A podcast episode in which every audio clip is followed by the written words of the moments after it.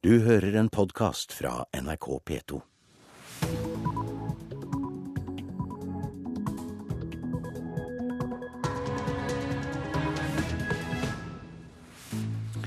Velkommen til eh, Nyhetsmorgen onsdag 20. mars. Her i studio, Øystein Heggen. Vi har disse overskriftene nå når klokka er 6.30. Mange kommuner mangler eh, sykepleiere som trengs til den nye helsereformen. I Polen er 18 arbeidere innesperret i en gruve som har rast sammen etter et jordskjelv. Eurolandene er fortsatt villige til å hjelpe Kypros, selv om nasjonalforsamlingen nektet å godta krisepakke. Flest dødsfall ved asylmottak på Vestlandet. Sterke reaksjoner fra politikere. Jeg får en forferdelig ekkel kjensle inni meg. En altfor stor del av ting som aldeles ikke skulle ha skjedd, har eh, skjedd i vår region. Gruppeleder i Bergen SV, Odny Miljeteig.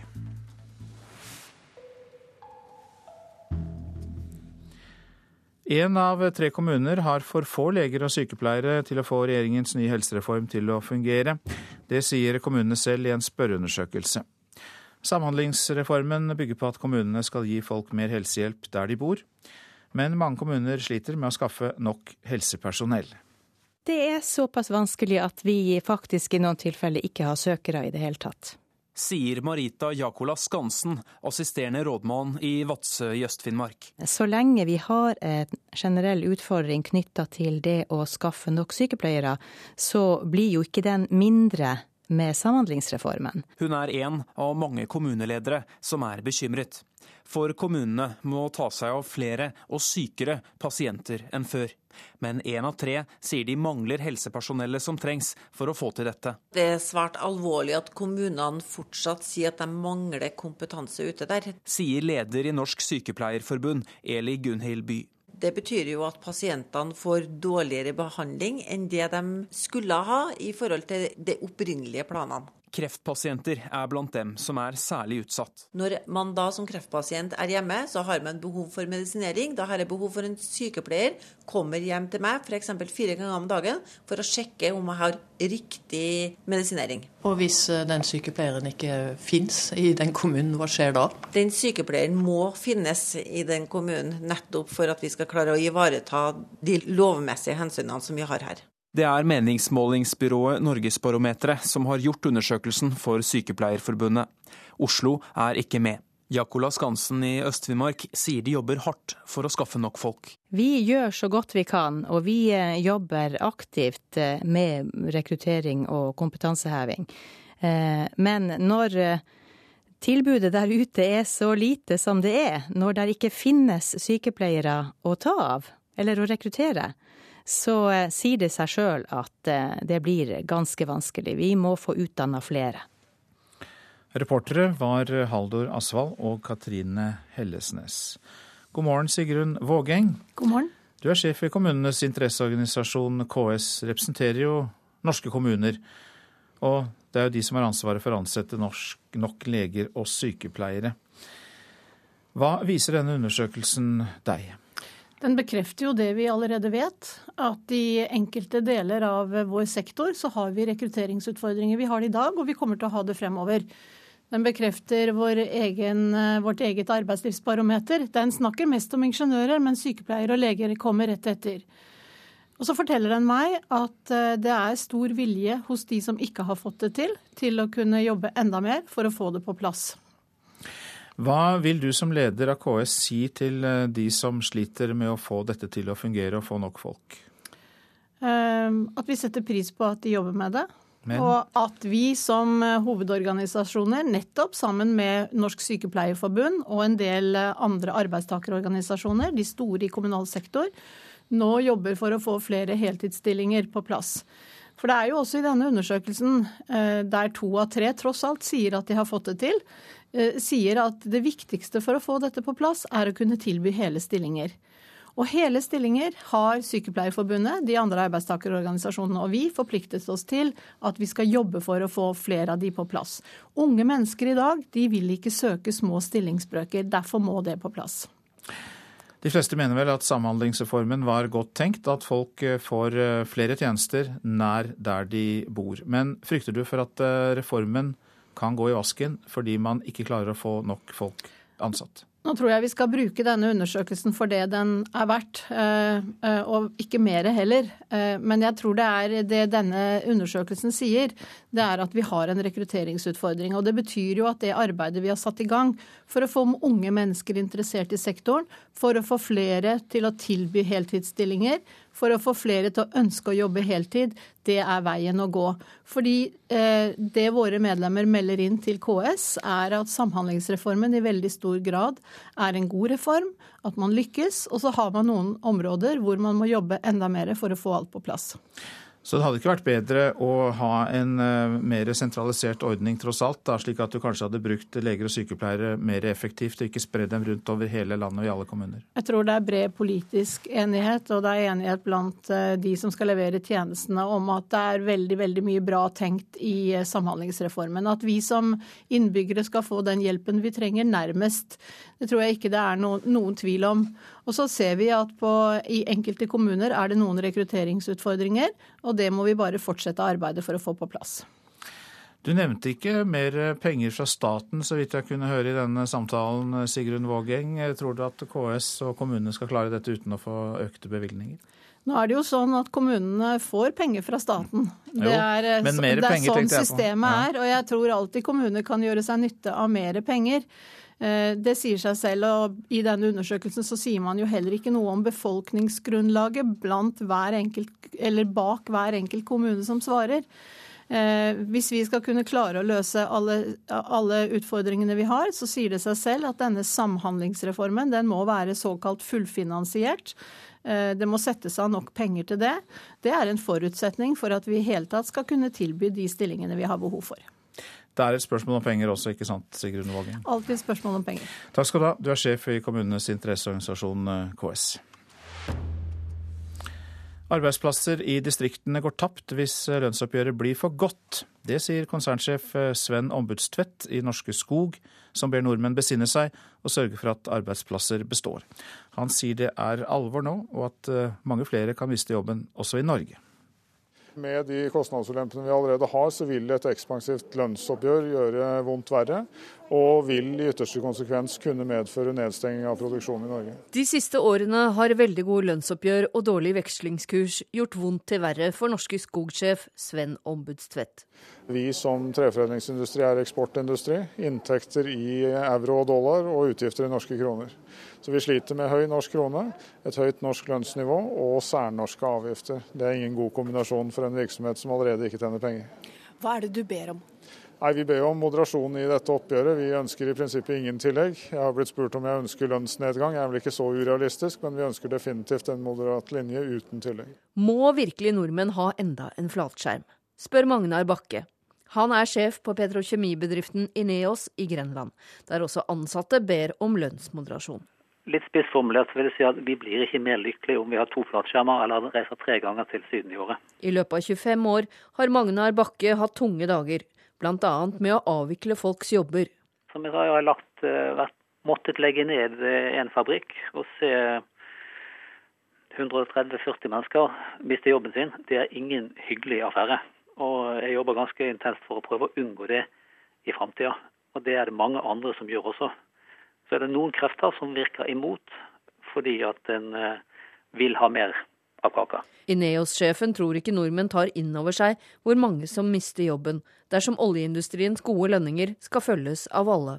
Men at det er lurt å gjøre noe før det går åt skogen, det, vel, eh, det skjønner alle. Det som er dilemmaet, tror jeg at det er de fleste som ikke er i konkurranseutsatt næring, de tror at alt vokser inn i himmelen, og at eh, den pengesekken som skal betale lønningene, er utømmelig. Innen midnatt natt til fredag må arbeidsgivere og arbeidstakere i industrien bli enige om årets lønnstillegg for å unngå Riksmekleren. Sven Ombudstvedt i Norske Skog håper på null i tillegg. Jeg tror det er viktig for Norge at vi ikke avindustrialiseres. og Dette handler om mer enn bare Norske Skog og dagens lønnsoppgjør. Det handler om skal vi ha en bærekraftig innenlandsindustri som eksporterer ut av Norge. Jeg tror det er viktig. Jeg tror ingen land eller sivilisasjoner i verden har greid en økonomisk omstilling fra industri til bare servicenæringer. Det tror jeg ikke er noen god eh, oppskrift for Norge videre fremover. Og reporter her, det var Hedvig Bjørgum.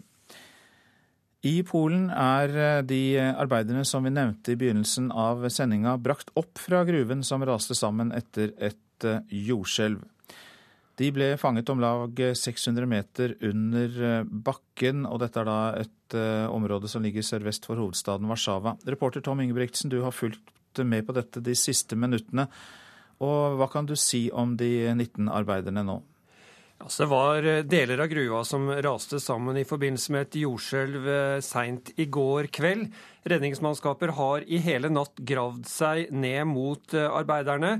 De måtte først gi opp et forsøk etter at det gikk flere nye ras inne i gruvegangen. Og I stedet måtte de grave en ny tunnel fra et annet sted i gruvesystemet. Så det vi kan slå fast, er at uh, alle disse gruvearbeiderne har uh, kommet ut. Og uh, vet vi noe mer om hvordan tilstanden er? Ja, Ifølge Reuters så klarte de redningsmannskapene å nå ned til dem. Og alle arbeiderne skal nå skal være i live, og de skal være brakt opp til overflaten, der de nå får medisinsk hjelp. Hva slags gruve er det? Ja, Det er en kobbergruve som drives av selskapet KGHM, som er Europas nest største produsent av eh, kobber. Den ligger sørvest i Polen, i Slesien, i nærheten av grensene til Tyskland og Tsjekkia, der det ligger mange andre gruver, og der det tidligere også har vært eh, lignende ulykker som dessverre har kostet eh, arbeidere livet. Men heldigvis altså ikke denne gangen. Hjertelig takk for at du kom i studio for å oppdatere oss, reporter Tom Ingebrigtsen. Finansministrene i eurolandene sier de fortsatt er villige til å hjelpe Kypros, som nekter å godta vilkårene i en krisepakke som skal redde landets banker. Nasjonalforsamlingen på Kypros sa i går nei til å innføre en avgift på bankinnskudd som betingelse for et kriselån fra EU og Det internasjonale pengefondet IMF. Nederlands finansminister sier at eurogruppen likevel står klar til å hjelpe Kypros. Og det blir mer om Kypros etter klokka sju her i Nyhetsmorgen. Da kommer BI-professor Arne Jon Isaksen i studio. Så til det avisene skriver. Offiserer skjulte sponsormidler på bortgjemt konto, skriver Aftenposten. Fly- og våpenprodusenter eh, sponset flyshow, og penger ble plassert på bankkonto utenfor Forsvaret for at firmanavnene ikke skulle synes i regnskapene. Bankene har for lange fingre, sier finanskomiteens leder til Dagens Næringsliv. Arbeiderpartiets Torgeir Micaelsen hamrer løs mot DNBs renteøkning. Bankene tar med begge hender, ja det skriver Nordlys, for etter at lånerenta er satt opp, vil banker i Nord-Norge også gi lavere rente for innskudd. Finansnæringen presser på for at private skal få bygge, eie og drive veier og sykehus, skriver Klassekampen. De ønsker seg flere såkalte OPS-ordninger. Togsengene tar kvelden, er oppslaget i Stavanger Aftenblad. NSB vil fjerne sovevognene i nattoget på Sørlandsbanen fordi så få bruker dem. I 2010 sto Bybanen ferdig, men nå slår den sprekker, skriver Bergensavisen. Langs skinnegangen i Bergen er det oppstått utallige sprekker. Utbyggerne vet ikke hvorfor. Styrket beredskap står sentralt i tiltakene til Jens Stoltenberg, skriver Dagsavisen. Stortingsmeldingen om terrorberedskap legges fram i dag, og vi får mer om denne saken også her i Nyhetsmorgen etter klokka sju. Kvinner drikker stadig mer pappvin, skriver Vårt Land, og salget av vin på kartong har steget fra 13,5 millioner liter i året til 35,5 liter i løpet av tolv år. Bruk av vikarer blant kirurgene kan være årsaken til komplikasjoner etter tarmkreftoperasjoner, skriver Fedrelandsvennen. En tredel av de som er operert for tarmkreft i Arendal, har fått komplikasjoner etterpå. EU kan komme til å vedta krav om lavere toll på ost og kjøtt, skriver Nasjonen. EU-parlamentet behandler i dag handelssamarbeidet, og det kan føre til krav om nye forhandlinger med Norge. Motstandsmannen Kai Holst ble myrdet. Han begikk ikke selvmord, sier Ole Paus til Dagbladet. Ny dokumentarfilm tegner et nytt bilde av musikerens onkel, som døde under krigen. Utgjør Maja Rosenberg en trussel, spør Bergens Tidende. Den danske læreren dro til Bergen sammen med sin mann for å være med på en fest på en MC-klubb. Hun ble pågrepet, satt på glattcelle og sendt ut av landet, men eh, Rosenberg er ikke medlem av noen MC-klubb, og heller ikke tidligere straffedømt.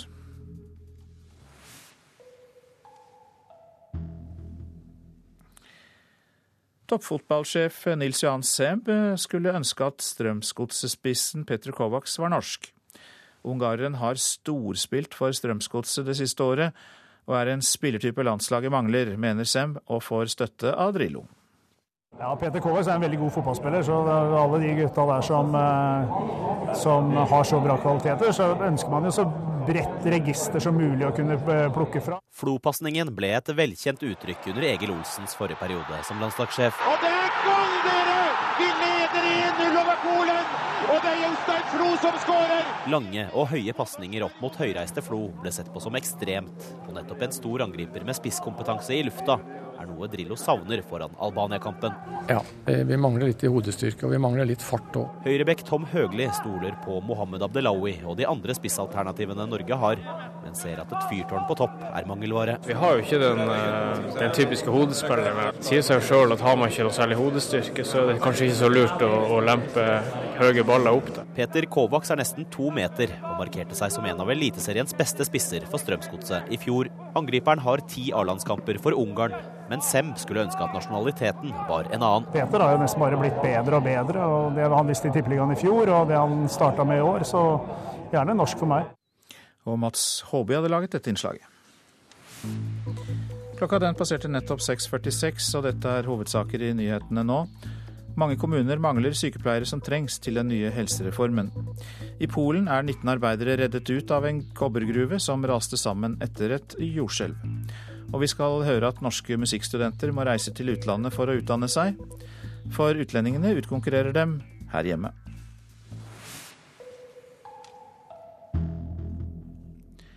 Den svenske krona har nå den høyeste kursen mot norske kroner på over to år. Men det spiller, spiller, liten rolle for de som handler på grensa. De bryr seg lite om kursforskjellen på kronene. Nei, Jeg ser ikke så veldig nøye på den, for å si det sånn. Kursen på svenske kroner var tirsdag litt over 90 norske øre. Det høyeste siden starten av 2011. Men det plager ikke de som reiser til Strømstad for å fylle bilen med kjøtt og andre dagligvarer. Nei, Jeg tenker ikke så mye på det, jeg heller, egentlig. jeg tror ikke det betyr all verden for, for størrelsen på grensehandelen. Det tror jeg ikke. Erik Bruse er sjeføkonom i Nordea Markets. Han sier gode resultater i svensk økonomi forklarer kursoppgangen akkurat nå. Det har vært litt dårlig forventning til svensk økonomi, men det går bedre enn man trodde. Og det er normalt positivt med valuta. Da, da investerer man mer i den valutaen. De siste 30 åra har svenskekrona svingt mot den norske med over 40 øre. Fra noteringer på 1 krone og 18 øre i 1981 til et lavmål på 76 øre i 2009. Nå ligger altså kronaen et sted midt imellom. Men det finnes en smertegrense for kursen på svenskekrona, sier senterleder på Nordby, Ståle Løvheim. Den dagen som eh, den svenske krona skulle være mer verdt enn den norske, så tror jeg at eh, vi vi vil oppleve det som du sier som smertegrense, ja. Men sjeføkonom i Nordea tror kursene vi ser nå vil holde seg en god stund. Ja, vi vil ligge rundt 90 der vi er nå, eh, et års tid. Det sa altså Erik Bruse fra Nordea. Reporter Lars Håkon Pedersen. Politikerne reagerer på at Vestlandet topper statistikken over dødsfall ved asylmottak. Ni av 22 dødsfall på norske asylmottak i fjor skjedde i UDI region vest. Blant disse er tre drap og tre selvmord. Gruppeleder i Bergen SV, Odny Miljeteig, er rystet over dette og mener UDI må bedre det psykiatriske helsetilbudet ved mottakene får en forferdelig ekkel kjensle inni meg.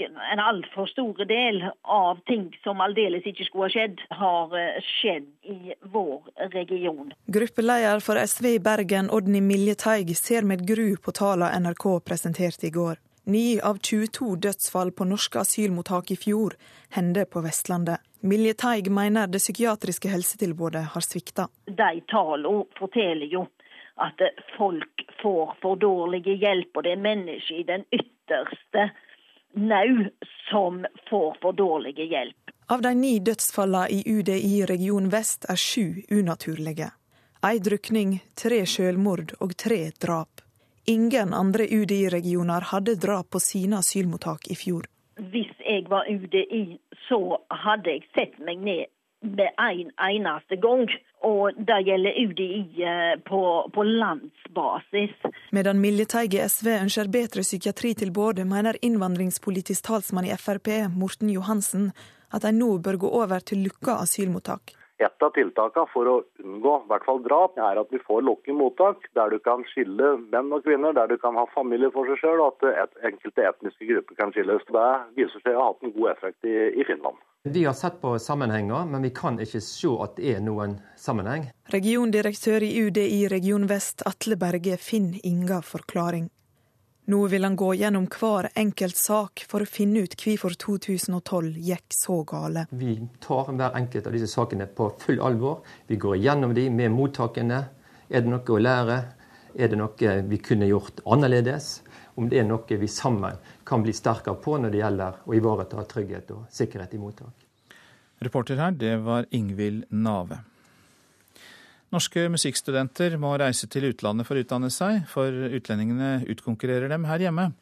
Nye tall fra Lånekassen viser at 65 musikkstudenter har søkt om støtte til å ta master i utlandet dette studieåret. Til høsten er over halvparten av studentene som begynner på utøvende master ved Norges musikkhøgskole, utenlandske.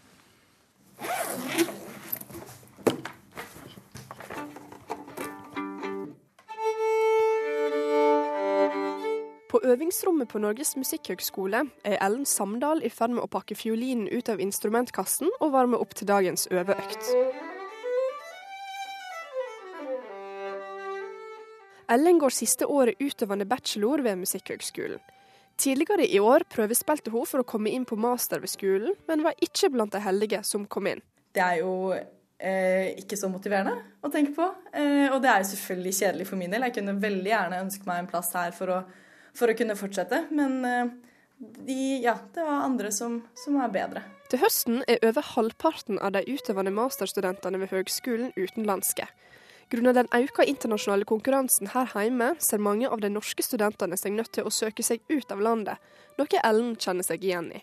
Er vel på en måte mer enn en trend, det er vel litt at man er nødt. Fordi man, hvis man ikke får plass her eh, og vil fortsette å studere, så, man jo, så tvinges man jo til å se etter andre alternativer. For tendensen er tydelig. For studieåret 2012-2013 søkte hele 285 studenter om støtte fra Lånekassen til musikkstudier i utlandet. 65 av disse til masterprogram. Studentrepresentant ved Musikkhøgskolen, Alexander Hofstad Bærby, er ikke negativ til den økte internasjonale konkurransen, men håper samtidig at konkurransen ikke fører til overkjøring av norske studenter. Det skal være et konkurransemiljø, altså du skal være god nok for å komme inn på master. Samtidig som det ikke skal være enveiskjøring. Altså hvis det, et, det, blir jo dumt hvis det er altså det Norges musikkhøgskole, og så er det jo ingen norske studenter igjen på masternivå. Studiesjef ved Musikkhøgskolen, Kjetil Solvik, mener at andelen utenlandske musikkstudenter ikke er bekymringsfull, men at den derimot speiler den internasjonale konkurransen studentene vil møte når de senere kommer ut i arbeidslivet. La oss si det sånn at hvis vi skjermer våre studieplasser og, og tok opp færre utenlandske og flere norske, så vil jo konkurransen på arbeidsmarkedet senere være akkurat like stor. Og, og, eh, så den konkurransen er der, og den kommer vi ikke utenom. Tilbake på øvingsrommet mener Ellen Samdal at skolen bør tenke mer langsiktig. Eh, om man vil ha et, et, norsk musikkliv, så er man jo også nødt til å gi muligheter til norske musikere. Og også gi muligheter for at man kan utvikle seg, at man får brukt potensialet sitt. Reporter Camilla Yndestad. SF kino trenger flere norske filmer til kinoene sine. Det sier direktør Ivar Hasseltvedt. I dag får SF kino trolig Bergen bystyres godkjenning til å kjøpe 49% av Bergen kino, og får dermed kontroll over en fjerdedel av det norske kinomarkedet. Nå tar Hesseltvedt til orde for å øke den nåværende avgiften på billettinntekter og bruke pengene på å lage mer norsk film. Vi trenger mer norsk film på kinoene. På våre kinoer så mangler jeg norsk film i store deler av året. Og det er i dag eh, flere filmer som ikke blir produsert, for det er ikke penger i kassen til å finansiere dem. Det syns jeg er en uhyrlighet, og vi som lever av dette, og vårt publikum, forstår det ikke. Og da vil vi som, eh, som landets største kinoselskap si at dette må vi gå foran og få til. Du lurer kanskje på om du hørte rett. Men det er faktisk slik at den største private kinoaktøren her i landet nå tar til orde for å øke den statlige avgifta på billettinntektene sine. Pengene vil de bruke til å støtte filmproduksjon. Her i Norge så har vi en egen avgift som kinoene betaler inn direkte. Den er omsetningsbasert på 2,5% SF kino foreslår, og vil foreslå og jobbe for, at den økes til 5% per år. Det ville kunne gi nær 50 millioner kroner til å lage mer film. Inspirasjonen henter direktør Ivar Halstvedt fra Sverige, der eierne til SF kino hører hjemme. Der går 10% av inntektene fra de største kinoene til å støtte ny filmproduksjon. Lista er lang for det dagens norske avgift brukes til. Det er film i Den kulturelle skolesekken. Det er Bygdekinoen, som viser film på 200 steder. Skolering for kinobransjen. Cinematek. Lene Løken er direktør for Film og Kino, som forvalter og deler ut pengene hun syns ikke det er en god idé å bruke dem på filmproduksjon i stedet. Det er vel ikke først og fremst flere norske filmer vi trenger. Vi får nå 25 norske filmer i året. Det er bare noen ganske få av dem som trekker et stort publikum.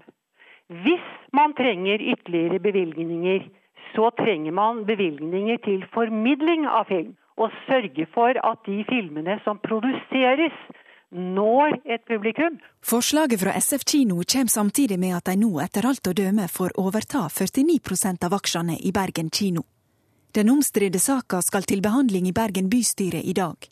Og sjøl om flertallet trolig vil stemme for, kjemper Harald Skjeldrup fra Arbeiderpartiet fremdeles mot. Vi må ikke glemme nå at SF først og fremst er interessert i å ta over eh, kinodriften i flere av de største norske byene.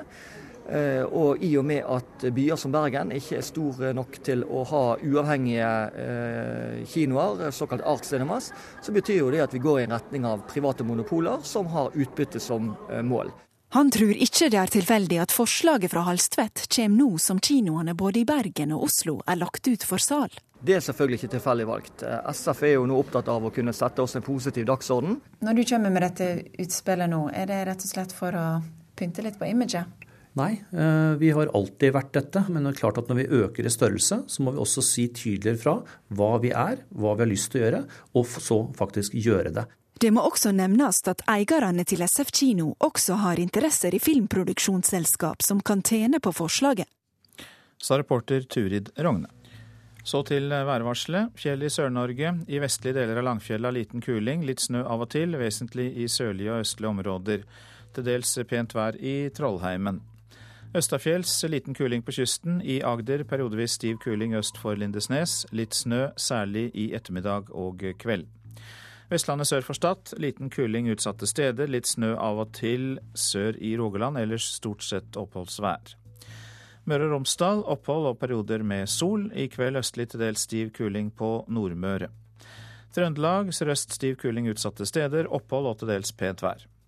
Helgeland, Saltfjellet, Salten og Ofoten. Sørøstlig periodevis sterk kuling utsatte steder. I ettermiddag vinking til liten kuling i Nordsalten og Ofoten, og for det meste pent vær. Lofoten og Vesterålen østlig liten kuling utsatte steder. Fra i ettermiddag frisk bris, stort sett pent vær. Så går vi til Troms. Sørøstlig stiv kuling utsatte steder. Lokalt sterk kuling i nord først på dagen. I ettermiddag litt minkende, for øvrig stort sett pent vær.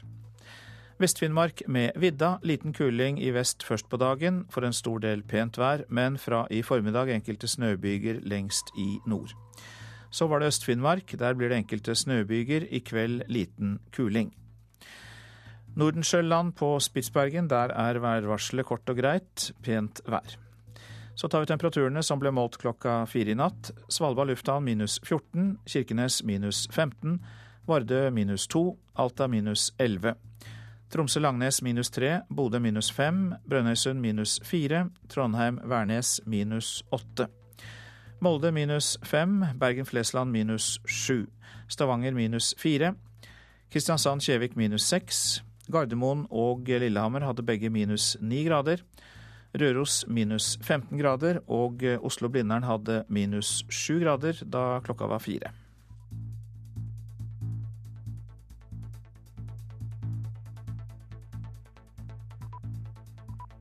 Du hører en podkast fra NRK P2.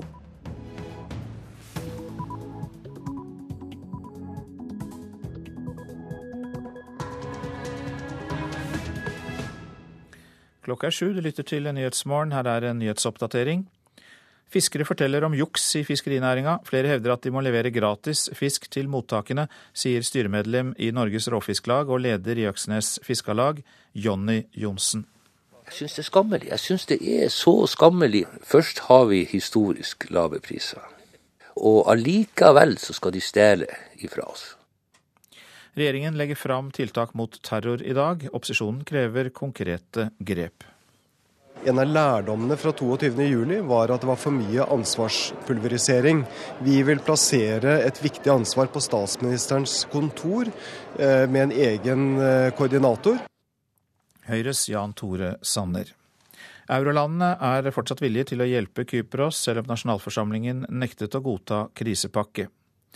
Mange kommuner mangler sykepleiere som trengs til den nye helsereformen.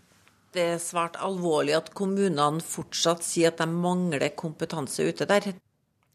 Leder i Norsk Sykepleierforbund, Eli Gunhild By. I Polen er alle arbeiderne som var innesperret i en gruve som hadde rast sammen etter et jordskjelv, reddet ut i live. Fiskere i Nord-Norge forteller om økonomisk kriminalitet i fiskerinæringen. I en av Norges største næringer foregår det utpressing og triksing med kvitteringer. Hvis Ikke er kjørt, så har vi ingen kontroll. Kan gjøre hva de vil. Store kar med billig torsk blir kjørt inn på et fiskemottak. Fisket har vært godt i år. Likevel er styremedlem i Norges Råfisklag og leder i Øksnes Fiskarlag, Jonny Johnsen, fortvila. Nå har det vært bra i, i en 10-12 år. Vi har jo hatt priser opp i 20 kroner. Og da var det ingen som stal. Det var ingen som gjorde no, noe som helst. altså. Men nå er det akkurat som alle har fått panikk. Akkurat som alle har fått panikk. Et vanskelig marked i Europa gjør at noen fiskemottak frykter for inntekta si og lurer til seg mer fisk enn de har krav på, sier Johnsen. Han viser frem kvitteringer, såkalte sedler, som bevis. Han kjenner til en fiskekjøper i distriktet som prøvde å betale for færre kilo enn det fisken leverte. De eh, bestemte seg når de skrev seddelen for at her skulle de stjele 400 kilo. Eller redusere antallet kilo, som de kaller det for. Og Det er helt ulovlig. Du kan ikke redusere antall kilo på, på, på en seddel. Det er rent tyveri. Andre fiskere NRK har snakka med som vil være anonyme, forteller om ulovlige forhold i fiskerinæringa. Juks med kvitteringer, fiskere som leverer gratis torsk til fiskemottak. Men NRK kan ikke dokumentere hvor stort omfanget av dette jukset er. Jeg har ikke fiska et eneste år uten å gi fra meg fisk. Vi må enten godta dette, eller gå på land. Fiskemottak prøver å registrere fisken som mindre enn den er, for å spare penger. Jeg vet 100% sikkert at fiskemottak noen ganger betaler for 15% mindre enn de får levert. Einar Ellingsen, seksjonssjef i Fiskeridirektoratet sin kontrollseksjon, sier at han aldri har fått så mange telefoner fra fiskere som forteller at mottakene ikke betaler for all fisken de får levert. De er veldig engstelige for i hele tatt å kunne få levert fisken sin, fordi det er så store kvoter. og det er at dette nå er åpenbart eh, kjøpers marked. og det, da, eh, da, må de gå med på dette for i hele tatt å ikke bli svartelistet. Så det er, en, det er en veldig vanskelig situasjon. Så de blir nesten trua til å være med på det på en måte, da? Det er det mange som gir uttrykk for, i hvert fall. Mange fiskekjøpere er organisert under Fiskeri- og havbruksnæringa si landsforening. Direktør for industri i foreninga, Geir Ove Ystmark, sier at han ikke ser vekk ifra at det finnes enkelttilfeller av juks. Det vil det være i enhver bransje. Det er ikke noen rapporter fått noe større eller mer omfattende uregelmessigheter i år enn, enn tidligere år. I den grad noen aktører på land eller sjø omgår regelverket, så er vi sterkt imot det. Hei sann, går det ut? Tilbake på småbåthavna i Vesterålen advarer Jonny Johnsen fiskekjøpere mot å utnytte fiskere. Jeg syns det er skammelig. Jeg syns det er så skammelig. Først har vi historisk lave priser, og allikevel så skal de stjele ifra oss. Reportasjen var laget av Kristine Svendsen og Eirin Årdal. Kjell Nedreås, du er seniorforsker ved Havforskningsinstituttet. Du er med oss fra Bergen. Dere forsker jo på det som skjer i havet, samler inn tall og gir myndighetene råd. Og Hva syns du om det du nettopp hørte? Ja, det er absolutt eh, problematisk eh, og alvorlig for bestand bestanden at det blir tatt ut mer torsk enn det som blir registrert.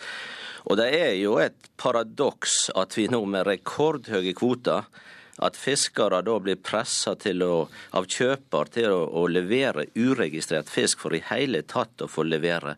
Og jeg tenker tilbake på eh, her på for en ja, eh, På 2000-tallet, en sjuårsperiode der vi, vi eh, satte store ressurser inn på å eh, få stopp det uregistrerte fisket til, til, til, russiske fartøy. Det resulterte jo i at det ble tatt over en halv million tonn i løpet av disse her åra uregistrert.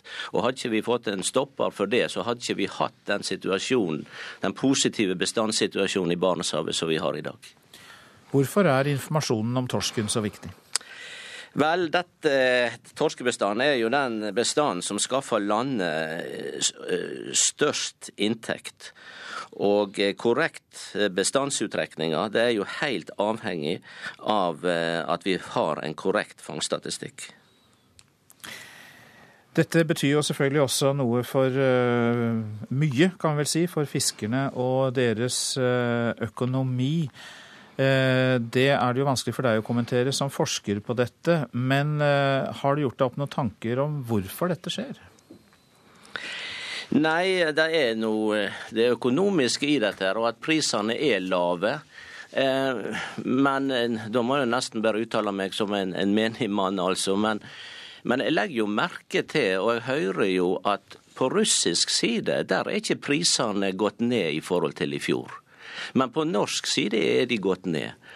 Og, og da lurer jeg eh, jo litt på hva som er den egentlige årsaken til dette her. Men eh, ja, jeg får vel helst uttale meg om, om, eh, om, det biologiske, men det har altså alvorlige biologiske konsekvenser at her kommer det altså blir tatt ut mer fisk enn det som kommer i statistikken. Hva kan eh, du og Havforskningsinstituttet gjøre for å rette opp dette og sørge for at det kommer inn eh, korrekte tall? Ja, vi eh, er jo avhengig av at vi får i hvert fall informasjon om dette som er skjult. At vi kan beregne hvor, hvor mye det er. Og Da er vi avhengig av at eh, myndighetene bevilger penger til eh, kystvakt og fiskeridirektorat, slik at de kan få samla inn informasjon om dette. Eh, vi har også et, et nettverk av, av, fiskere, en såkalt referanseflåte, som hjelper oss å få riktige data på bordet. Men skal vi snakke om Eh, beregning av omfanget av dette, og ikke bare dette med at eh, enkeltepisoder osv. For det er omfanget vi som biologer er interessert i, for det er jo det som inngår i våre beregninger. Da må vi også få ressurser eh, avsatt til dette her, sånn at vi kan uttale oss om omfanget og få det inn i våre modeller. Takk skal du ha, Kjell Nedreås, som altså er seniorforsker ved Havforskningsinstituttet. Opposisjonen på Stortinget krever konkrete tiltak og en gjennomføringsplan når regjeringen i dag presenterer tiltak mot terror. Tiltakene er svaret på Gjørv-kommisjonens rapport om 22.07. Høyre mener statsministerens kontor bør få et eh, tydeligere ansvar og eh, ansette en beredskapskoordinator. En av lærdommene fra 22.07 var at det var for mye ansvarspulverisering. Vi vil plassere et viktig ansvar på statsministerens kontor eh, med en egen eh, koordinator. Eh, da blir ansvaret også i større grad plassert hos statsministeren. Foreslår nestleder i Høyre Jan Tore Sanner, før regjeringen i dag legger frem stortingsmeldingen Terrorberedskap. Meldingen følger opp rapporten fra 22.07-kommisjonen. Dessverre må vi peke på at mye sviktet, både under krisen 22.07 og i forkant av tragedien. Sa kommisjonsleder Alexandra Bech Gjørv, og pekte på at svak og manglende ledelse i etater og departementer er en trussel for oss i krisesituasjoner. I dag må regjeringen legge fram en plan for bedre kriseledelse, sier Knut Arild Hareide i Kristelig Folkeparti. Vi opplevde jo 22.07 at viktige planverk ikke ble iverksatt, og noen var faktisk òg helt uh, ubenytta denne dagen. Vi trenger å ha et helhetlig grep om dette, og en overordnet terrorplan er det viktigste regjeringa skal levere. Så forventer jeg også at de har noen gode svar på hvordan man skal endre ledelseskulturen innenfor disse etatene, sånn at vi får gjennomført de planene man har laga. Sier Venstre-leder Trine Skei Grande. Gjørv-kommisjonen kom med 31 punkter for bedre beredskap. Blant dem bedre samarbeid etater imellom, samband som virker, oppdaterte IKT-systemer, et drillet politikorps. Noe har også skjedd, som en døgnbemannet helikoptertjeneste og planer om et beredskapssenter. I går ble det kjent at departementene skal få et nytt gradert samband. Men også etter 22.07 har vi sett at samhandlingsproblemer lever i beste velgående, sier Kristelig Folkeparti-leder Knut Arild Hareide. Senest under fredsprisutdelinga har vi fått et nytt eksempel på at samarbeid mellom politi og forsvar ikke er på det nivået, og ikke er på det presisjonsnivået som det er nødt å være på ved eventuelle slike hendelser.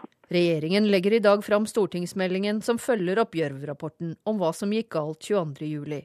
Nå kommer den store lakmustesten om regjeringen har forstått eh, alvoret eh, og trukket nødvendig lærdom. Og En av erfaringene var jo at eh, man hadde ressurser, men at ressursene ikke fant hverandre. Reporter her, det var Hedvig Bjørgum. Frilansjournalist og forfatter Kjetil Stormark, du skrev boka da terroren rammet Norge, 189 minutter som rystet verden. Nå er du eh, kommet hit for å kommentere dette, og vi hørte jo her eh, Høyres Jan Tore Sanner sa at vi får vite om regjeringen har forstått alvoret og trukket nødvendige lærdommer. Hva er dine forventninger til stortingsmeldingen? Ja, Det er mye å gripe fatt i. Det vi så 22.07 var en strukturell kollaps på veldig mange forskjellige nivåer og steder. Og eh, Spørsmålet her eh, er jo om det blir for lite for seint fra fra regjeringens side.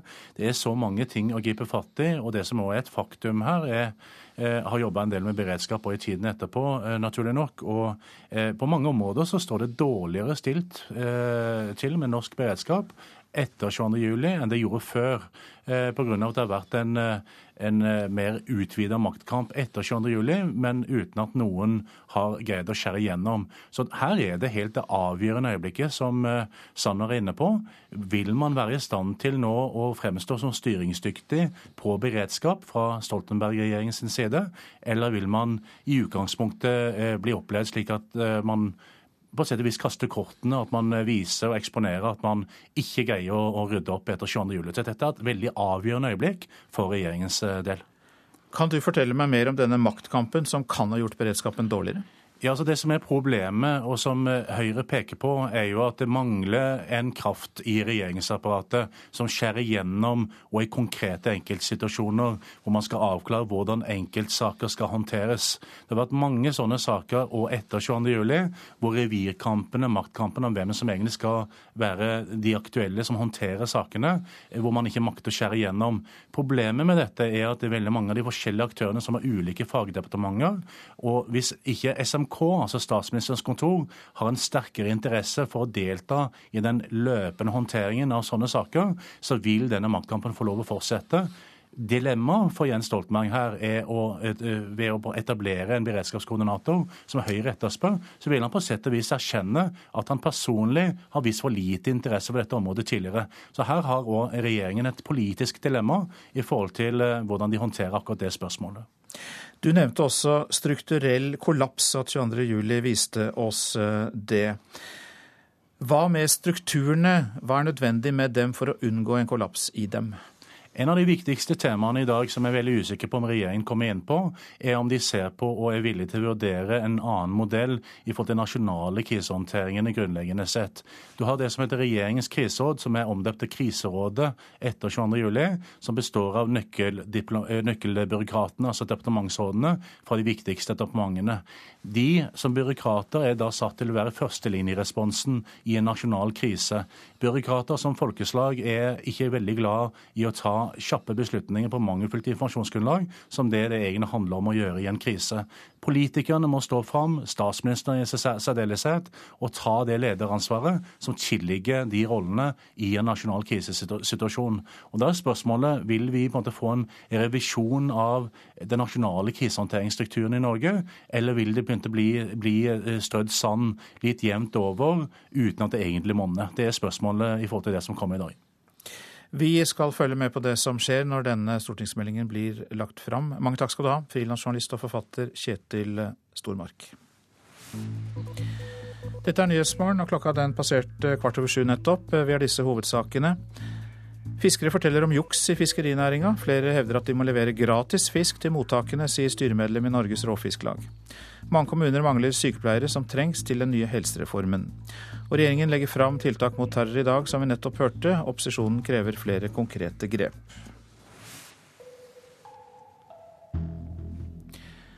USAs president Barack Obama besøker Israel og Palestina denne uken, og innleder i dag da sin rundreise i Israel. Korrespondent Sigurd Falkenberg Mikkelsen i Jerusalem, hvordan merkes det at USAs president er på vei? Det er bare et par timer til han lander på Ben Gurion. Han har jo allerede dratt fra USA. Her er det gjort store forberedelser, politisk selvfølgelig, men også på gateplan hvor det er hengt opp amerikanske og israelske flagg. Vi ser skilt i innkjøringen til Jerusalem som markerer det israelerne kaller the unbreakable alliance. Sånn at Israel er nå klar for å ta imot Barack Obama her i Israel. Ja, en ubrytelig allianse, men det har nå vært et kjølig og avmålt forhold mellom Israel og Obama lenge, så hvordan er det ventet at han blir tatt imot politisk? Ja, Det er et viktig besøk for alle aktørene, dette. Barack Obama på den ene siden og Benjamin Netanyahu, som akkurat har fått på plass sin nye regjering. Det er ikke noe tvil om at styrkeforholdet dem imellom har forandret seg noe. Netanyahu er mer svekket. Men han leder også en rimelig høyredreid regjering. Obama sier alt det som kommer ut fra, fra, hans folk, er at det ikke er noen plan på bordet. Han kommer ikke med noen konkrete tiltak. Han kommer for å se og lytte og lære, og kanskje også da knytte seg litt tettere opp mot, mot Israel og det israelske folk. De som er skuffet her, det er palestinerne, som føler at Obama har ikke har innfridd, og at alt det som skjedde etter den berømte Kairo-talen for fire år siden, ikke har materialisert seg. Kommer Obama til å ta opp israelske bosettinger på den okkuperte Vestbredden? Han må jo gjøre det i en eller annen form. og Spørsmålet er om han gjør det, altså hvilken, på hvilken måte han gjør det, hvor hardt han har tenkt å gå ut. Tror ikke det blir snakk om å prøve å presse en stans i bosettingene, slik han gjorde i sin første periode. Og Jeg traff en av de nye ministrene fra et av de bosettervennlige partiene, Det jødiske hjem, som sa at det ikke kommer på tale å stanse bosettingene. Sånn at det er en politisk situasjon som gjør at Obama nok ikke er så veldig lysten på å bruke mye politisk kapital på å få, få til konkrete tiltak akkurat nå. Sigurd Falkenberg Mikkelsen i Jerusalem, takk skal du ha. Kypros håper på fortsatt hjelp fra EU, selv om parlamentet i går kveld sa nei til hjelpepakken de hadde tilbud om. Årsaken var en omstridt avgift på om lag 10 da, på alle kypriotiske bankinnskudd for å finansiere deler av redningspakken. Så nå er det uvisst hva som skjer med økonomien på Kypros. Jubelen kunne bryte løst. Redningspakken var stemt ned. We have no right to touch deposits of private men selv om de nå slipper å miste 10% av bankinnskuddene sine, har de heller ingen redningspakke som venter. Bankene på Kypros er fremdeles stengte, og finansministeren sier de kanskje aldri vil åpne igjen, klarer en ikke finne ei løsning. For bankene er tomme for penger. Likevel var det ingen i nasjonalforsamlinga som stemte for redningspakken. Parlamentspresident Jannikis Omiro mener lille Kypros med dette har blitt en spydspiss i forsvaret av europeiske småsparere.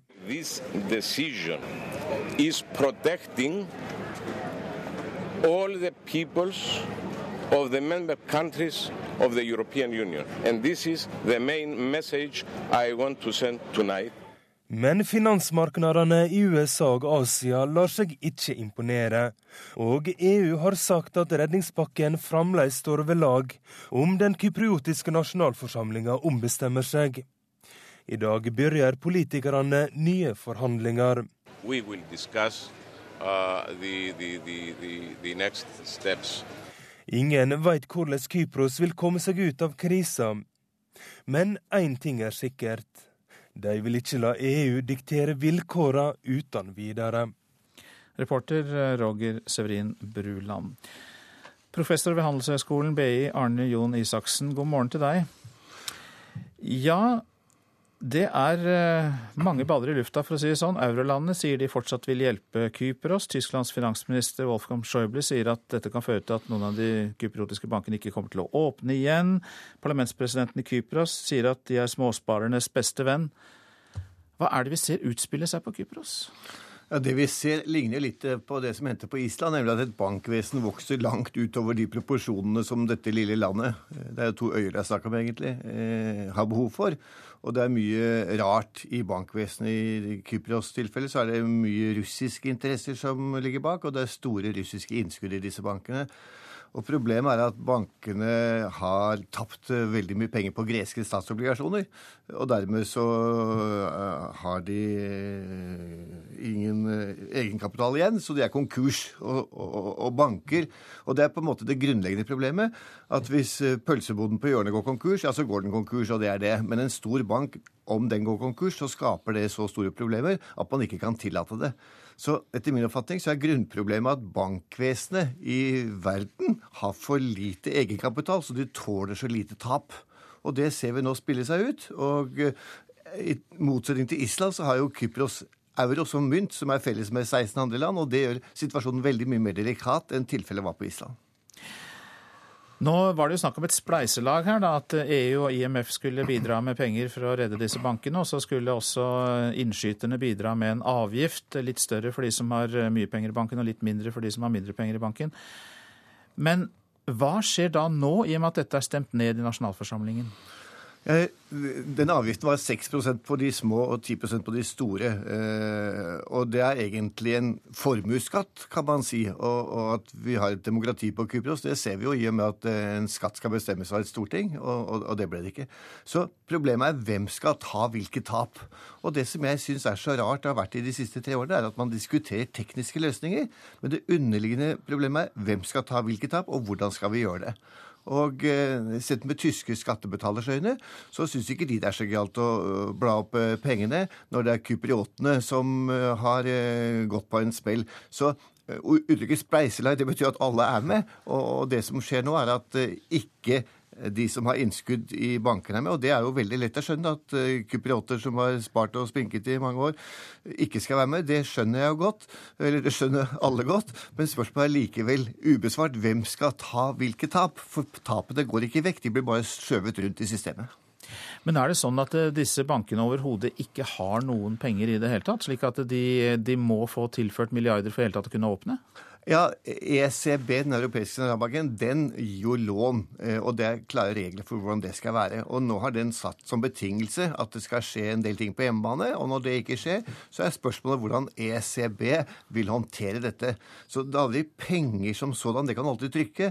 Men spørsmålet er verdiene. Og når verdiene eh, på bankens aktiva side er mindre enn verdien på din gjeld den har, så er det altså ikke nok til at det går rundt. Hva ville du ha gjort hvis du hadde vært EU-politiker eh, e og skulle rydde opp i dette her, Arne Jon Isaksen? Ja, takk for tilliten. Eh, da ville jeg ikke lagt en avgift eller skatt eh, på de som hadde mindre enn 100 000 euro som innskudd, for det er i systemet lagt opp til at de skal gå skadesløse. Og så ville jeg kanskje lagt en høyere avgift på, de med, på alt over 100 000. Vi må huske på at I Danmark så har jo banker gått konkurs, og innskytere har tapt penger i Danmark. Amager Bank gikk konkurs for et par år siden. Eh, og så ville jeg tatt de som har lånt penger til banken på annen måte, nemlig kjøpt bankobligasjoner. De ville jeg tatt ut. Og så ville jeg tatt ut egenkapitalen. Og så ville jeg sett litt nøyere på norske erfaringer fra 92, for den er ganske relevant. Og det betyr at bankvirksomheten fortsetter, men eierne taper pengene sine. Så det er mange grep man kan sette her. Men som jeg sa i sted, villigheten til å diskutere hvem som skal ta hvilket tap, den syns jeg glimrer med sitt fravær. Og den villigheten den diskuteres eh, fortsatt videre. Mange takk for at du kom til Nyhetsmorgen, professor ved Handelshøyskolen BI, Arne Jon Isaksen. Det er helt forskrekkelig. Er Så skal vi høre litt om eh, det avisene skriver på sine førstesider. Offiserer skjulte sponsormidler på bortgjemt konto, skriver Aftenposten. Fly- og våpenprodusenter sponset flyshow, og penger ble plassert på bankkonto utenfor Forsvaret for at firmanavnene ikke skulle synes i regnskapene. Bankene har for lange fingre, sier finanskomiteens leder til Dagens Næringsliv. Arbeiderpartiets eh, Torgeir Micaelsen hamrer løs mot DNBs renteøkning. Bankene tar med begge hender, skriver Nordlys, for etter at lånerenta er satt opp, vil banker i Nord-Norge også gi lavere rente for innskudd.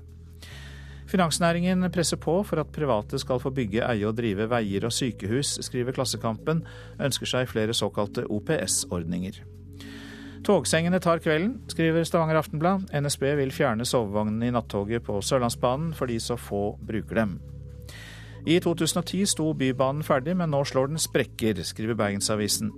Langs skinnegangen i Bergen er det oppstått utallige sprekker. Utbyggerne vet ikke hvorfor. Styrket politiberedskap står sentralt i tiltakene til Jens Stoltenberg, skriver Dagsavisen. Stortingsmeldingen om terrorberedskap den legges fram i dag, som vi også har hørt tidligere i vår sending. Kvinner drikker stadig mer pappvin, skriver Vårt Land, og salget av vin på kartong har steget fra 13,5 millioner liter i året til 35,5 liter. Dette har skjedd i løpet av tolv år. Bruk av vikarer blant kirurgene kan være årsaken til komplikasjoner etter tarmkreftoperasjoner, skriver Fedrelandsvennen. En tredel av de som er operert for tarmkreft i Arendal, har fått komplikasjoner etterpå. EU kan vedta krav om lavere toll på ost og kjøtt, skriver Nasjonen. EU-parlamentet behandler i dag handelssamarbeidet med Norge, og det kan føre til nye krav om forhandlinger. Motstandsmannen Kai Holst ble myrdet. Han begikk ikke selvmord, sier Ole Paus til Dagbladet. Ny dokumentarfilm tegner et nytt bilde av musikerens onkel, som døde under krigen.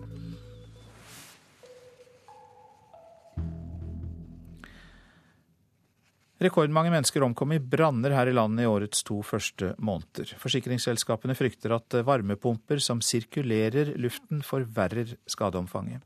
Hver tredje dag i januar og februar var det mennesker som mistet livet i branner i Norge.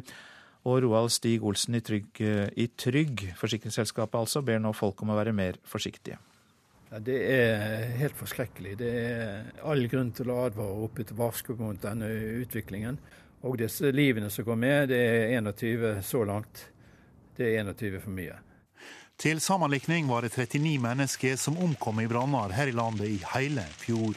Brannsjef Jonny Breivik i Bergen liker derfor heller ikke den stygge brannstatistikken i starten på dette året. Nei, det er jo stygge tall. Eh, og så er det viktig for oss å eh, informere godt og, og, drive med forebyggende arbeid for å gjøre folk oppmerksom på at vi sjøl kan påvirke i stor grad for å redde våre egne liv og unngå at det brenner. Forsikringsselskapet kommer med det oppsiktsvekkende rådet å slå av varmepumpa når det har begynt å brenne. Deres takstfolk mener å ha registrert at det brenner ekstra kraftig når varmepumpa står på. Vi vet at dette kan vedlikeholde et branntilløp veldig godt, og faktisk også sette ekstra fyr i dette. Eh, og Det er derfor vi advarer mot akkurat denne utviklingen. Altså, det er, Selvfølgelig så kan det være viktig at for, for å hindre sirkulasjon i, i, rommet. Samtidig så skal vi være bevisste på at ikke vi skal eh, gjøre sånn at folk får overfokus på varmepumpene, så glemmer de andre viktige ting.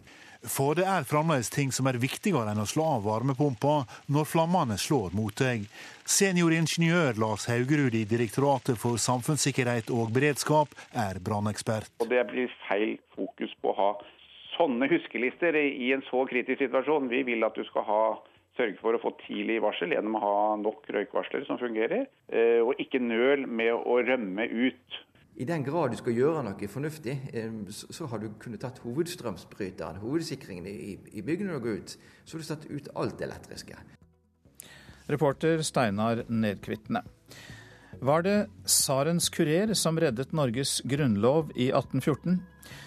Gjør deg klar for å høre Hans-Wilhelm Steinfeld fortelle mer om dette i reportasjen etter Dagsnytt. Og skal småbarnsmødre subsidieres av skattebetalerne? Det blir debatt av slike spørsmål i Politisk kvarter. Produsent for Nyhetsmorgen, Eli Bjørland. Her i studio, Øystein Heggen.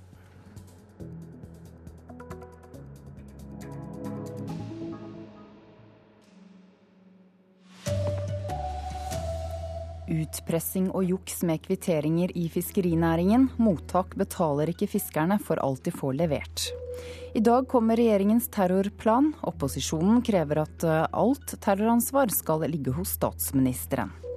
Arbeidsplasser i distriktene går tapt dersom lønnsoppgjøret blir for godt, advarer sjef i Norske Skog. God morgen, her er NRK Dagsnytt klokken 7.30. Fiskere i Nord-Norge forteller om økonomisk kriminalitet i yrket sitt. I en av Norges største næringer foregår utpressing og triksing med kvitteringer. Her sjøl så har vi ingen kontroll. Kan gjøre hva de vil. Store kar med billig torsk blir kjørt inn på et fiskemottak. Fisket har vært godt i år. Likevel er styremedlem i Norges Råfisklag og leder i Øksnes Fiskarlag, Jonny Johnsen, fortvila. Nå har det vært bra i, i en 10-12 år. Vi har jo hatt priser opp i 20 kroner. Og da var det ingen som stal. Det var ingen som gjorde no, noe som helst. altså. Men nå så er det akkurat som alle har fått panikk. Akkurat som alle har fått panikk.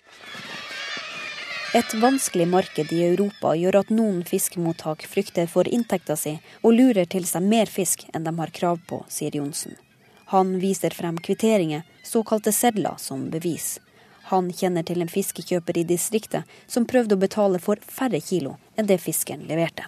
De eh, bestemte seg når de skrev seddelen for at her skulle de stjele 400 kilo. Eller redusere antallet kilo, som de kaller det for. Og Det er helt ulovlig. Du kan ikke redusere antall kilo på, på, på en seddel. Det er rent tyveri. Andre fiskere NRK har snakka med som vil være anonyme, forteller om ulovlige forhold i fiskerinæringa. Juks med kvitteringer, fiskere som leverer gratis torsk til fiskemottak. Men NRK kan ikke dokumentere hvor stort omfanget av dette jukset er. Jeg har ikke fiska et eneste år uten å gi fra meg fisk. Vi må enten godta dette, eller gå på land.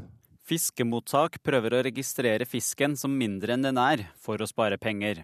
Jeg vet 100% sikkert at fiskemottak noen ganger betaler for 15% mindre enn de får levert. Einar Ellingsen, seksjonssjef i Fiskeridirektoratet sin kontrollseksjon, sier at han aldri har fått så mange telefoner fra fiskere som forteller at mottakene ikke betaler for all fisken de får levert. De er veldig engstelige for i hele tatt å kunne få levert fisken sin, fordi det er så store kvoter. og det er at dette nå er åpenbart eh, kjøpers marked. og det, da, eh, da, må de gå med på dette for i hele tatt å ikke bli svartelistet. Så det er, en, det er en veldig vanskelig situasjon. Så de blir nesten trua til å være med på det på en måte, da? Det er det mange som gir uttrykk for, i hvert fall. Mange fiskekjøpere er organisert under Fiskeri- og havbruksnæringas landsforening. Direktør for industri i foreninga, Geir Ove Ystmark, sier at han ikke ser vekk ifra at det finnes enkelttilfeller av juks. Det vil være i enhver bransje. Det er ikke noen rapport har fått noe større eller mer omfattende uregelmessigheter i år enn, enn tidligere år. I den grad noen aktører på land eller sjø omgår regelverket, så er vi sterkt imot det. Hei sann, går vi ut?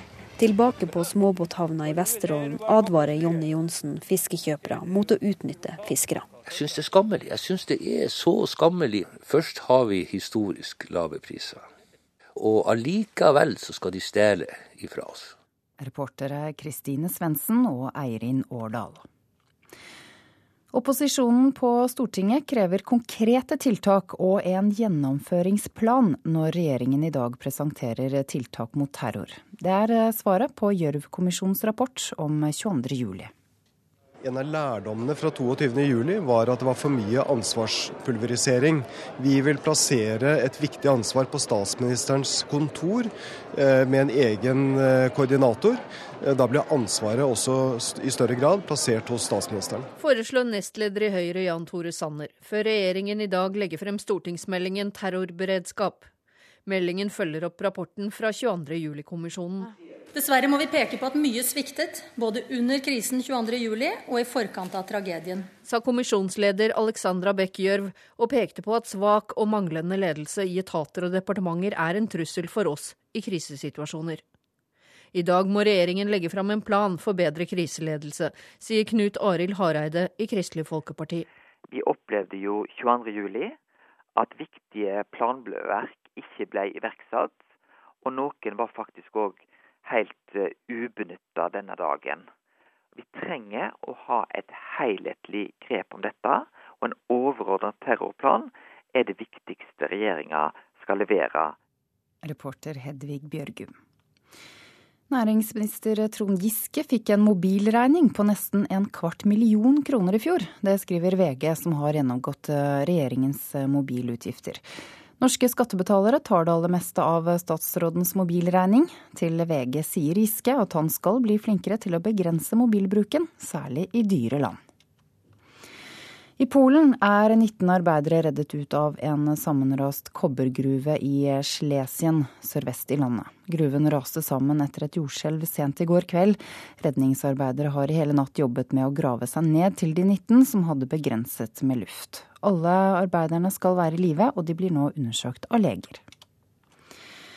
Kypros håper på fortsatt hjelp fra EU, selv om parlamentet i går kveld sa nei til hjelpepakken de hadde tilbud om. Årsaken var en omstridt avgift på rundt 10% på alle bankinnskudd for å finansiere deler av redningspakken. Og nå er det uvisst hva som skjer med økonomien på Kypros. Jubelen kunne bryte løst. Redningspakken var stemt ned. We have no right to touch deposits of private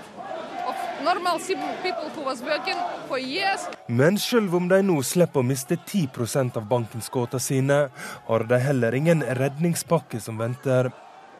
Bankene på Kypros er fremdeles stengte, og den tyske finansministeren sier de aldri vil åpne igjen uten å få tilført mer penger. Likevel var det ingen i nasjonalforsamlinga som stemte for redningspakken. Parlamentspresident Jannikis Omiro mener lille Kypros med dette har blitt en spydspiss i forsvaret av europeiske småsparere.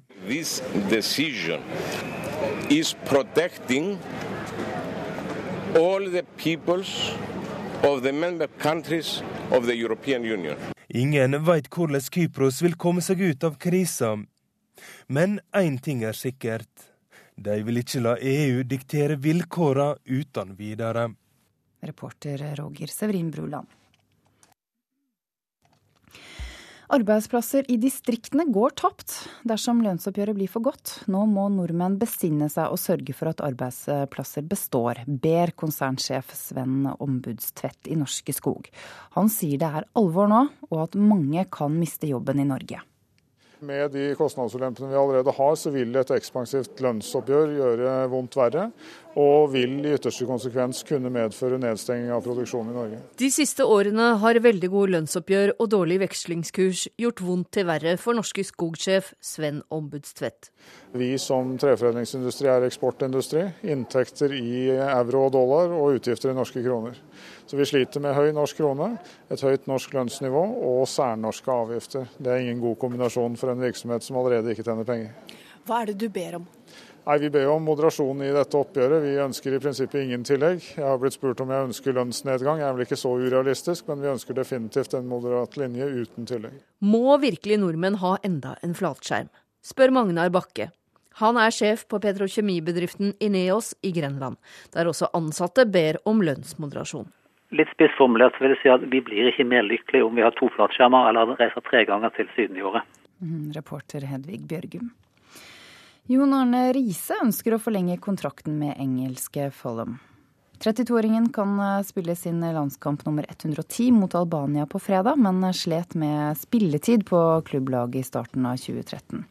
Riise, som har ett år igjen av kontrakten, føler at han har vist at han fortsatt eh, holder et høyt nivå.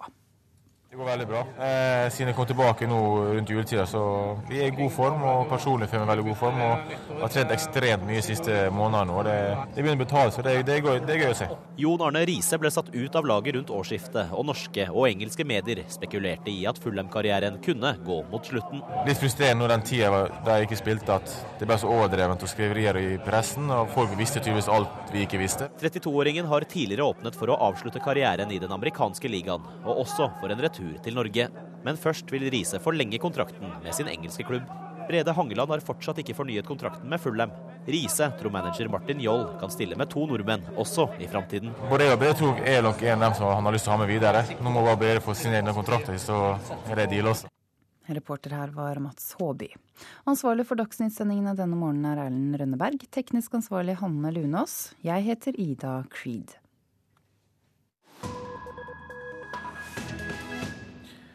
Var det tsarens kurer, grev Mikhail Orlov, som reddet Norges grunnlov fra svenskene i 1814.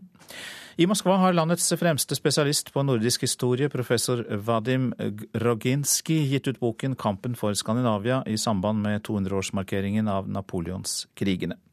Han hevder Russland reddet Norges grunnlov fra svenskene i 1814.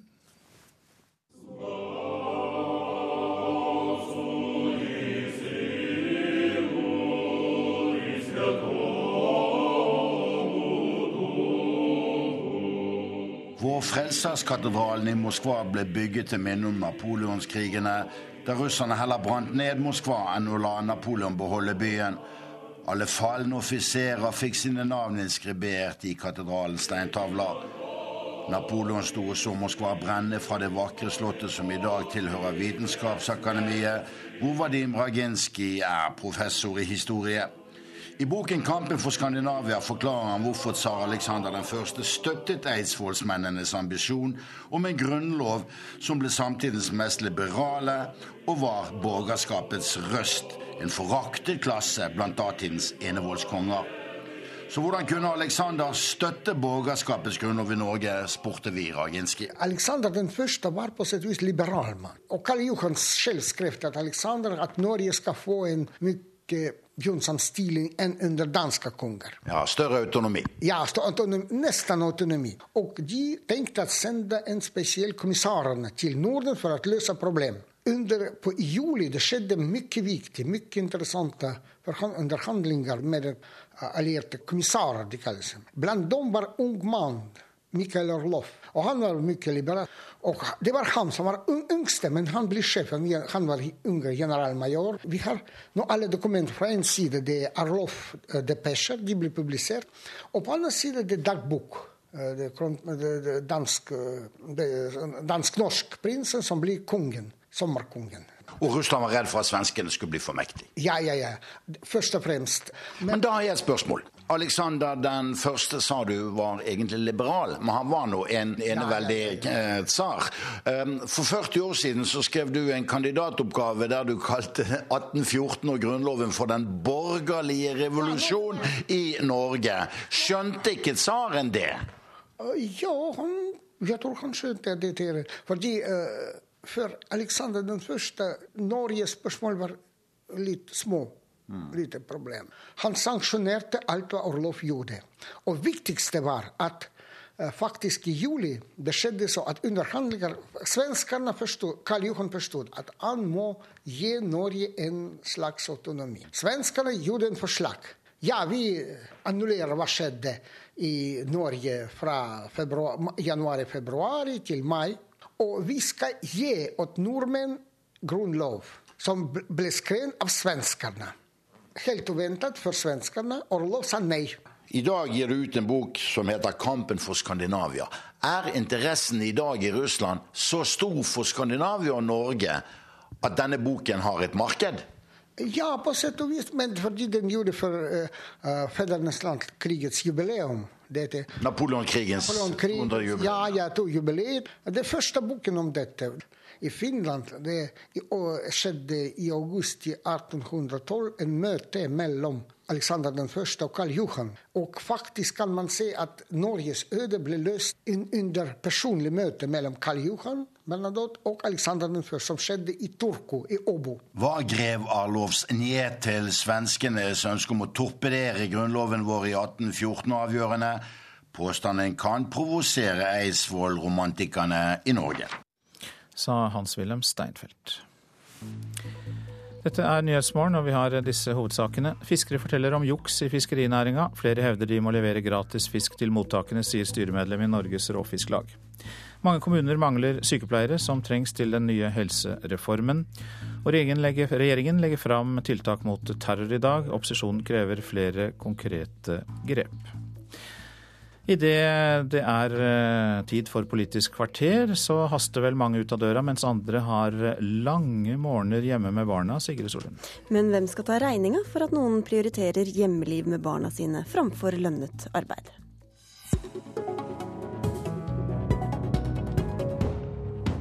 I hvert fall ikke norske skattebetalere, skrev høyrepolitiker Heidi Nordby Lunde i et blogginnlegg til massiv protest, men også støtte fra bl.a. Fremskrittspartiets Christian Tybring-Gjedde i Dagsavisen i dag. Hvis kvinner vil leve som på 50-tallet, får de heller be om lommepenger av mannen sin, mener Nordby Lunde. Og hun skal få utdype snart, men først eh, til deg, nestleder i Kristelig Folkeparti, Dagrun Eriksen. Dette budskapet falt ikke helt i god jord hos deg, hvorfor ikke?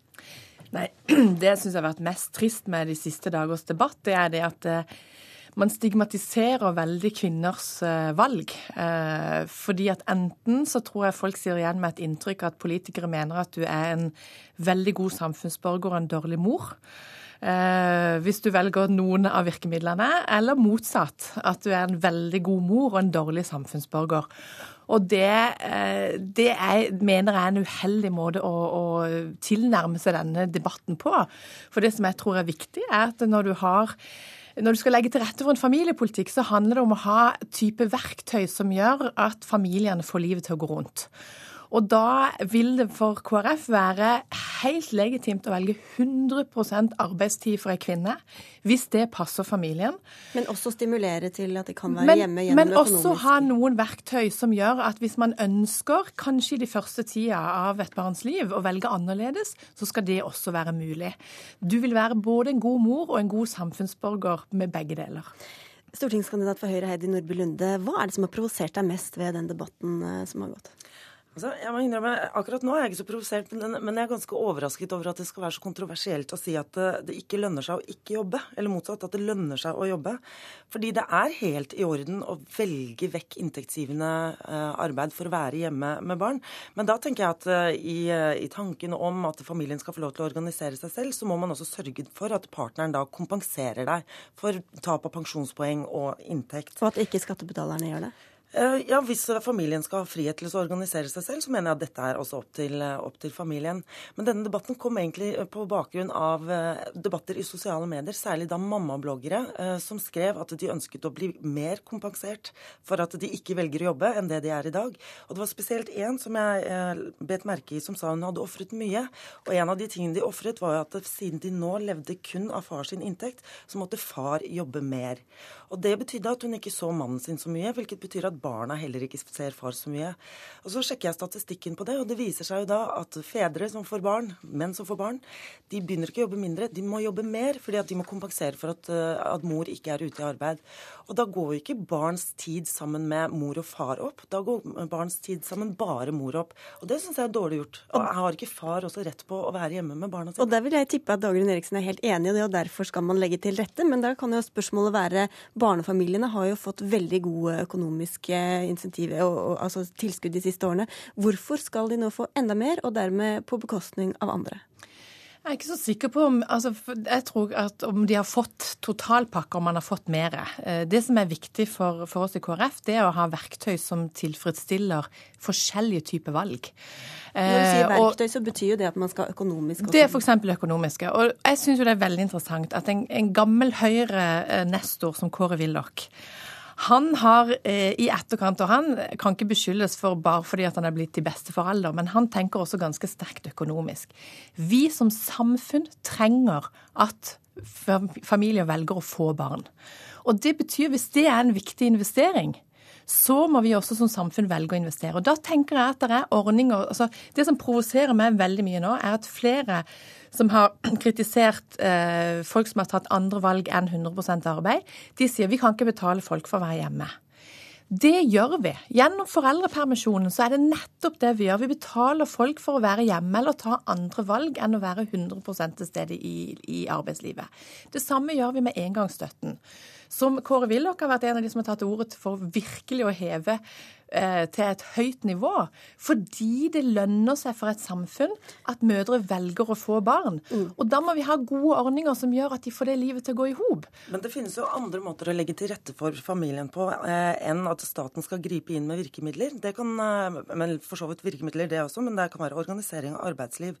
Men det, akkurat nå så går denne debatten parallelt med at det kommer veldig tydelige og klare signaler fra mange hold. Fra sentralbanksjefen, NHO, finansminister Sigbjørn Johnsen, til Brochmann-utvalget om at vi må jobbe mer. Vil si at den norske velferdsstaten er ikke bærekraftig slik den er i dag. Og da, kan, eh, da mener jeg at det er feil å legge opp til ordninger der vi bruker av fellesskapets midler til å betale friske, arbeidsføre folk for å ikke jobbe. Og da lurer jeg på hvordan KrF og Dagrun Eriksen har tenkt til å løse utfordringen med velferdsstaten når dere tar folk ut i deres mest arbeidsdyktige alder for å være, jobbe mindre og være hjemme. Det, det, er jo nettopp det bærekraftige eh, standpunktet som jeg mener at eh, blir en liten kortslutning hos, eh, hos, Lunde nå. Fordi det er faktisk sånn at hvis du skal hva, hva er grunnen til at ikke det er bærekraftig på lang sikt? Det er fordi vi føder for få unger, og vi har for få i den kommende generasjonen til å bære byrdene for eldre i framtida. Derfor, så mener, derfor så mener KrF at det er viktig å ha gode investeringer, på samme måte som også Høyre mener, og ha gode investeringsordninger som gjør at folk velger å få barn. I Sør-Europa så ser vi virkelig konsekvensene nå av å ha ordninger som ikke eh, gjør at, at, eh, man velger å få barn. Og da velger man kanskje å få maks ett barn og man er kommet ut i et bærekraftig økonomisk uføre. Så det økonomiske argumentet mener jeg ikke holder på lang sikt, det holder bare på kort sikt. Men vi er alle for at man skal få barn. og Vi bruker mer tid og mer ressurser på barna våre nå enn vi har hatt anledning til å gjøre noen gang. Og det er en bra ting. Og der tror jeg vi alle er enige, og også på tvers av de partipolitiske grensene. Men ja, Apropos Nordby Lunde, hvem er det du egentlig snakker på vegne av eh, nå? Hva tenker du på da? Jeg tenker på At uh, At det er positivt å få barn? Da håper jeg at jeg snakker på vegne av oss alle. jeg tenker på at din egen partikollega Linda Hofstad Helleland kalte Inga Marte Torkelsen, som du forsvarte, for kvinnens verste fiende. Jo, men jeg tror at det var en debatt som ble tatt, uh, tatt litt på, på, bakgrunn av misforståelser, og som spisset seg altfor mye. Jeg tror Linda uh, Hofstad Helleland og jeg er ganske enige om, om fryktelig mye. Og så er vi jo enige om at det er verdifullt å være hjemme med barn, og at det lønner seg å jobbe. Bare at vi ikke skal betale for det, vi andre. Ja. Eh, takk skal dere ha for at dere kom til Politisk kvarter, Heidi Nordby Lunde og Dagrun Eriksen.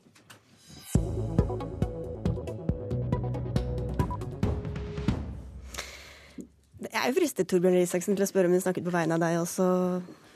Ja, Hvis hun sier at det er bra for barn og det skal lønne seg å jobbe, så snakker hun på vegne av hele, hele røsla. Vi har ikke tid til å gå så veldig nærmere inn i det, for du er her for å snakke om at Høyre vil ha lengre og flere forsøksordninger med turnuser som bryter med arbeidsmiljøloven, såkalte ønsketurnuser. Og for å få til det vil partiet bl.a. gi arbeidstakere lokalt mer makt og fagforeningene sentralt mindre. Og hvorfor vil dere det?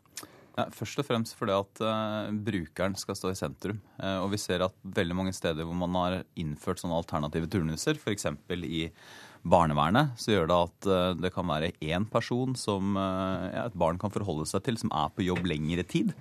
I institusjoner hvor man har folk som har stort pleiebehov, så kan de våkne og legge seg med den samme personen. Så Det er det aller viktigste for Høyre. Og Så har det også den bonuseffekten da, at eh, der man har hatt sånne forsøk, så har det stort sett vært eh, positivt for de ansatte. Sykefraværet har ofte gått ned. Og ikke minst så har man også klart å gjøre noe med heltid-deltidsproblematikken. Altså? Ja, det er en vinn-vinn-situasjon. Og så er det sånn teknisk sett så er jo det vi foreslår, det er eh, at dagens system, altså hvor du kan få godkjenning gjennom å gå til den sentrale fagforeninga. Det skal fortsette, men vi vil ha en alternativ vei, en tosporsløsning, sånn at du også kan få den godkjennelsen dersom du går til Arbeidstilsynet og spør om det. Anette Trettebergstuen fra Arbeiderpartiet. Lykkelige arbeidstakere og fornøyde brukere, hva er problemet? Nei, Det er ikke noe problem. Arbeiderpartiet er veldig for eh, sånne ønsketurnuser eller drømmeturnuser. Alternative ordninger lokalt som får ned sykefraværet og gjør brukerne og de ansatte mer fornøyd. Det er vi for, og derfor har vi også i dag en, en lov som eh, gir mulighet eh, til, til den type turnuser. Så jeg og Torbjørn Isaksen er helt enig i at den type ordninger er bra. Forskjellen mellom meg og Torbjørn og Arbeiderpartiet og Høyre er at Arbeiderpartiet mener at det skal være basert på frivillighet blant de ansatte. Eh, og Torbjørn Isaksen og Høyre eh, mener at eh, dagens ordning, der fagforeningene har mulighet til å si ja til sånne ordninger, det skal tas bort, så skal mer avtales lokalt mellom arbeidsgiver og ansatt direkte på bedriften. Det frykter vi at kan ende opp med å bli mer tvangsturnus enn ønsketurnus. Men hvis de sier ja, vi, ønsker, vi ønsker å beholde dagens ordning, der ni av ti søknader blir godkjent. Eh, det at fagforeningene godkjenner dem, er en Men viktig hvorfor er det tvangsturnus så lenge arbeidstakerne lokalt er enig i det? Jo, vi ønsker, vi ønsker at fagforeningene sentralt skal fortsette å godkjenne ordningene, eh, fordi at fagforeningene sentralt har kompetanse på på hva som rører seg i den enkelte bransje. eh, Og muligheten til å si til dette følger også med tariffavtalene. Og Derfor så ligger det i dag til det sentrale leddet. Vi ønsker ikke å flytte mer makt over på arbeidsgivers hender eh, på arbeidstagers bekostning. Det er det Høyre i realiteten foreslår. Så ser jeg at Erna foreslo i går å frata fagforeningene denne retten til å si ja. Nå modererer Torbjørn Røe Isaksen seg lite grann, og det er jo litt det Høyre holder på med dagen. De gjør det veldig uklart for oss hva som kommer til å skje etter valget dersom de får sjansen. Nå har sikkert ikke du snakket med Erna Solberg. Men det har Eh, NRK.no, ja, og da det- sa hun at hun vurderer å fjerne hele vetoretten og eventuelt endre Ja, men det, det Erna Solberg sa, det var at hun har tillit til at man klarer å få til alternative turnuser med dagens system. Og hvis ikke, så skulle man endre arbeidsmiljøloven, var det hun sa. Eh, Og Høyres, Høyres poeng er ikke at man skal fjerne den muligheten som er i dag, men det er og der er det et poeng, og det er f.eks. hvis man er enig lokalt. Hvis man har satt seg ned rundt et bord, som man er nødt til å gjøre i sånne sammenhenger, og så har man bestemt seg for at her har vi lyst til å prøve ut alternativ turnus, og så sier man nei sentralt, selv om man er enig lokalt. Da er, da, da, er ni av ti tilfeller så sier man jo da da er det én av ti tilfeller hvor dette skjer. Og da er vårt spørsmål hvorfor kan man ikke da ha en ekstra vei, en ekstra mulighet, f.eks. gå til Arbeidstilsynet og få godkjennelse for en sånn ja, alternativ turnus? hvordan skal du unngå at noen er- føler seg presset lokalt da, til å si ja til noe de egentlig ikke ønsker, Nei, altså for det, det, å er, unngå det er gjennom lokal, lokal ledelse, men det er jo, det, det problem, den problemstillingen vil jo oppstå uansett om man, har en, eh, om man går til Arbeidstilsynet eller ikke. Men jeg synes det som er verdt å legge merke til her, det er jo ikke at Poenget for Arbeiderpartiet er jo ikke at de, de står bak de ansatte. Vi også forutsetter lokal enighet, og at man tar med de ansatte Jeg- i disse spørsmålene. Poenget er at Arbeiderpartiet er åpenbart ikke så veldig interessert i hvordan dette kan hjelpe brukerne. Eh, og det er er overraskende, syns jeg, at ikke Arbeiderpartiet da vil ha f.eks. lengre forsøksperioder, Jo, flere forsøk med okay, det, men sier nei. Jeg kan godt være med på lengre perioder, ja. Det er helt greit. Eh, Men vi ønsker å beholde dagens lov der fagforeningen sentralt skal godkjenne dette.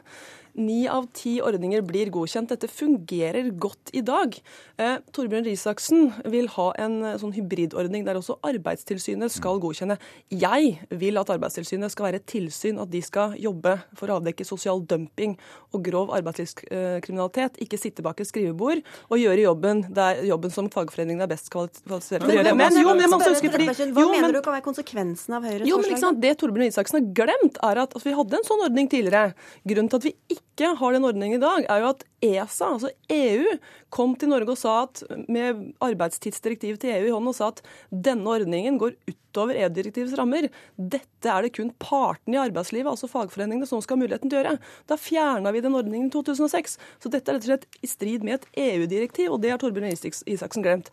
Dette er et godt eksempel på at, eh, at Høyre er en større trussel mot etablerte ordninger i norsk arbeidsliv enn det EU er. Ja, altså det, selvfølgelig, som Vi har også sett på arbeidsdirektivet og er klar over at det hadde var med begrunnelsen hvorfor dette ble fjernet i 2006. Men skal dette gjennomføres, så mener vi at det kan gjøres på en måte som er helt i pakt med det EU-direktivet som kommer. Men så er jo poenget her, det Anette Trettebergstuen og Arbeiderpartiet må svare på, det er jo hvis man har blitt enig lokalt, man har satt seg ned rundt samme bord, så har man blitt enige om at for brukerne så mener vi at en sånn alternativ turnus, det er det beste. Og så sier man nei sentralt fra en fagforening. Og det har skjedd mange eksempler på det, bl.a. et veldig godt eksempel fra mitt hjemfylke Telemark. Men er det ikke Så gode grunner til at de da sier nei, Så er spørsmålet, når man er lokalt enig, burde man ikke da ha en annen mulighet til å gå til Arbeidstilsynet? Og det sier Arbeiderpartiet nei til. Og for meg, så handler ikke det, for meg så handler ikke det da om de ansatte. Det handler om at Arbeiderpartiet er mer opptatt av sentral kontroll enn av lokal kontroll. Vi vil ikke at staten med tilsynet skal blande seg inn i det her. Vi vil at kan si partene- I tillit til at man kan komme fram til gode lokale løsninger sammen med de ansatte. Det har vi i Høyre. Ok, Trettebergstuen, får du svare på det helt til slutt. Hva er det viktigste? da? Er det brukerne, eller er det fagforeningene? Det viktigste er brukerne. Det viktigste er å få et fleksibelt, godt arbeidsliv der både brukerne, Begge de er ansatte og bedriftene er fornøyd. og Derfor så er vi fornøyd med dagens lov, der eh, de fleste søknader blir godkjent. Og vi har et mylder av gode ordninger lokalt til det beste for, eh, for alle. Forskjellen mellom oss og Høyre er at vi ønsker at det skal fortsatt være ønsketurnus. Høyre vil gå over til en ordning der det fort kan bli tvangsturnus. Og så er det ikke så lurt å legge seg ut med fagforeningene sånn i et valgår, kanskje? Ingen svar. Takk skal dere vi tar brukerne, vi. Ja. Takk skal dere ha, Torbjørn Risaksen fra Høyre og Anette Trettebergstuen fra Arbeiderpartiet. På tampen minner vi om at regjeringa altså legger fram stortingsmeldinga om ter terrorberedskap etter 22.07 klokka halv to i ettermiddag, og den overføres direkte på nrk.no, radio og fjernsyn. Det var et stykke Politisk kvarter. Jeg heter Sigrid Solund. Du har hørt en podkast fra NRK P2.